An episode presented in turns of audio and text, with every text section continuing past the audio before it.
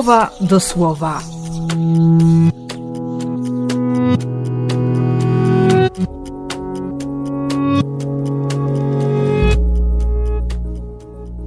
Jedenasty stycznia, środa.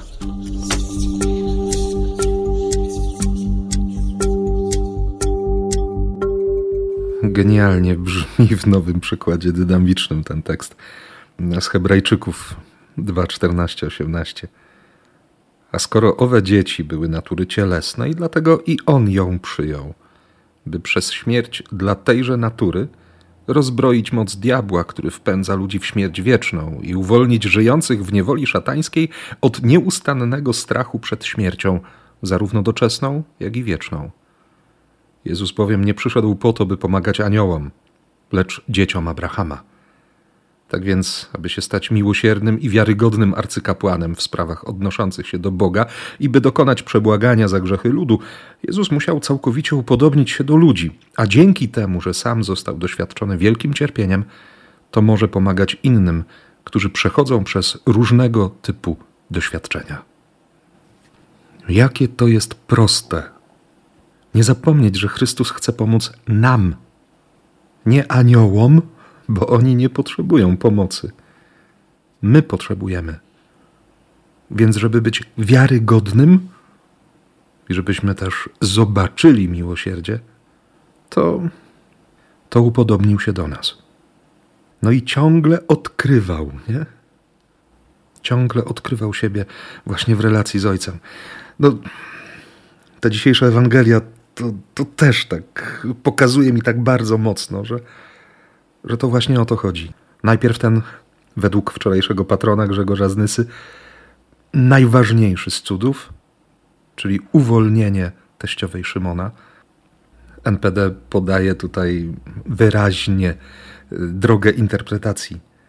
On zaś poszedł do niej, wziął za rękę i podniósł ją. Gorączka opuściła ją natychmiast, tak iż była w stanie im usługiwać. Problemem nie była gorączka, ale egoizm. Być może wynikający z tego, że, że nikt do niej nie podchodził, że nikt jej nie chwytał za rękę w tym domu, nikt nie podnosił. No, nie wiadomo.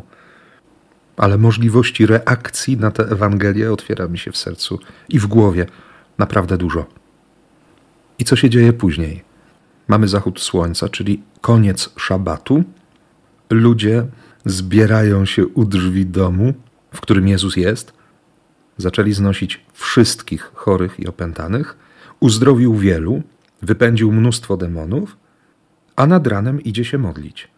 Przegadał z ojcem to wszystko, co się wydarzyło, i musiał z nim przegadać też e, swoje odejście. Potrzebował wsparcia ojca na to, co się, co się będzie działo później, na podjęcie tej decyzji. Zresztą niecałe dwa rozdziały później, w trzecim, tak, 3.13, też spotka się z ojcem, przegada z nim tym razem całą noc i wybierze tych, których sam chce. Ale teraz Marek zaznacza, że, że aby odejść, aby coś zostawić, aby nie rozsiąść się wygodnie, nawet w opiniach ludzkich, trzeba najpierw porozmawiać z Ojcem Niebieskim. Spojrzenie Ojca, konsultacja z Nim to jest niezbędne, żeby nie wpakować się w coś, co, co nie służy człowiekowi. Nie wybierać tego, co nie potrafi służyć, albo nie iść taką drogą, na której nie będę umiał służyć. Naprawdę to słowo dzisiaj robi mi, no może nie kopernikański, ale jednak spory przewrót w głowie. Nigdy, nigdy tej Ewangelii tak nie czytałem. Jestem Bogu wdzięczny, że, że dziś ją widzę właśnie tak. I mam ogromną nadzieję i, i za niebawem będę się modlił z kolejnymi rodzinami, abyśmy umieli tak widzieć, tak służyć. I będę też o to prosił dla Ciebie, bardzo świadomie, a szczególnie w czasie wieczornej Eucharystii, razem z Maryją. A tymczasem błogosławię Cię, jak tylko potrafię, w imię Ojca i Syna i Ducha Świętego. Amen.